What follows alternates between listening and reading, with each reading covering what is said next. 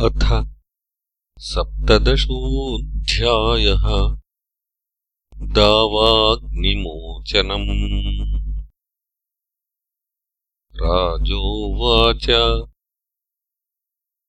नागालयम् रमणकम् कस्मात् तत्याजकालियः। कृतम् किम् वा सुपर्णस्य तेनैकेनासमञ्जसम् श्रीशुक उवाच। उपहार्यैः सर्पजनैर्मासिमासीह यो बलिः वानस्पत्यो महाबाहो नागानाम् प्राङ्निरूपितः। स्वम् स्वम् भागम् प्रयच्छन्ति नागाः पर्वणि पर्वणि।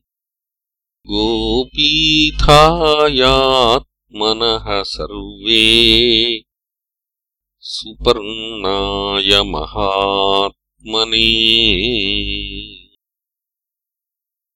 विषवीर्यमदाविष्टः काद्रवेयस्तु कालियः। कदर्थीकृत्य गरुडम् स्वयम् तम् बुभुजे बलिम् तच्छ्रुत्वा कुपितो राजन् भगवान् भगवत्प्रियः। विजिघांसुर्महावेगः कालियम् समुपाद्रवत्।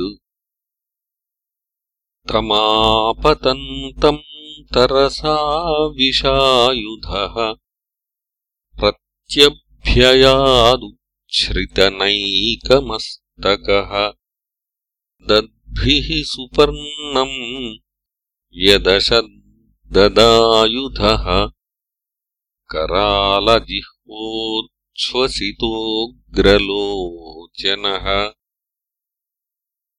तम् तार्क्ष्यपुत्रः स निरस्यमन्युमान् प्रचण्डवेगो मधुसूदनासनः पक्षेण सव्येन हिरण्यरोचिषा जघानकद्रूसुतमुग्रविक्रमः सुपर्णपक्षाभिहतः कालियोतीव विह्वलः हरदम् विवेशकालिन्द्यास्तदगम्यम् दुरासदम् तत्रैकदा जलचरम् गरुडो भक्ष्यमीप्सितम् निवारितः सौभरिणा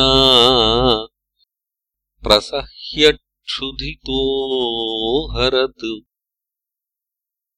मीनान् सुदुःखितान् दृष्ट्वा दीनान् मीनपतौ हते। कृपया सौभरिः प्राह। तत्र त्यक्षेममाचरन् अत्र प्रविश्य गरुडो। यदि मत्स्यान् स खादति सद्यः प्राणैर्वियुज्येत। सत्यमेतद्ब्रवीम्यहम्। तम् कालियः परम् वेद नान्यः कश्च लेलिहः अवात्सीद्गरुडाद्भीतः कृष्णेन च विवासितः। कृष्णम् ह्रदाद्विनिष्क्रान्तम् दिव्यस्रग्गन्धवाससम् महामणिगणाकीर्णम् जाम्बूनदपरिष्कृतम् उपलभ्योत्थिताः सर्वे लब्धप्राणा इवासवः प्रमोदनिभृतात्मानो गोपाः प्रीत्याभिरेभिरे। यशोदारोहिणी नन्दो गोप्यो गोपाश्च कौरव। कृष्णम् समेत्यलब्धेहा आसन् लब्धमनोरथाः। रामश्चाच्युतमालिङ्ग्य जहासास्यानुभाववित्। नगा गावो वृषावत्सा लेभिरे परमाम् मुदम् नन्दम् विप्राः समागत्य गुरवः सकलत्रकाः। ऊचुस्ते कालियग्रस्तो दिष्ट्या मुक्तस्तवात्मजः। देहि दानम् द्विजातीनाम् कृष्णनिर्मुक्तिहेतवे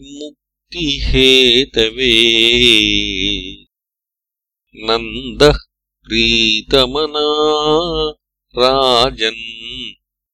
गाः स्वर्णम् तदादिशत्। यशोदापि महाभागा। नष्टलब्धप्रजा सती परिष्वज्याङ्कमारोप्य मुमोचाश्रुकलाम् मुहुः। ताम् रात्रिम् तत्र राजेन्द्र क्षुतृभ्याम् श्रमकर्षिताः। ऊषुर्व्रजौकसो गावः कालिन्द्या उपकूलतः। तदा शुचिवनोद्भूतो दावाग्निः सर्वतो व्रजम्। सुप्तम् निशीथ आवृत्य प्रदग्धुमुपचक्रमे तत उत्थाय सम्भ्रान्ता दह्यमाना व्रजौकसः कृष्णम् ययुस्ते शरणम् मायामनुजमीश्वरम्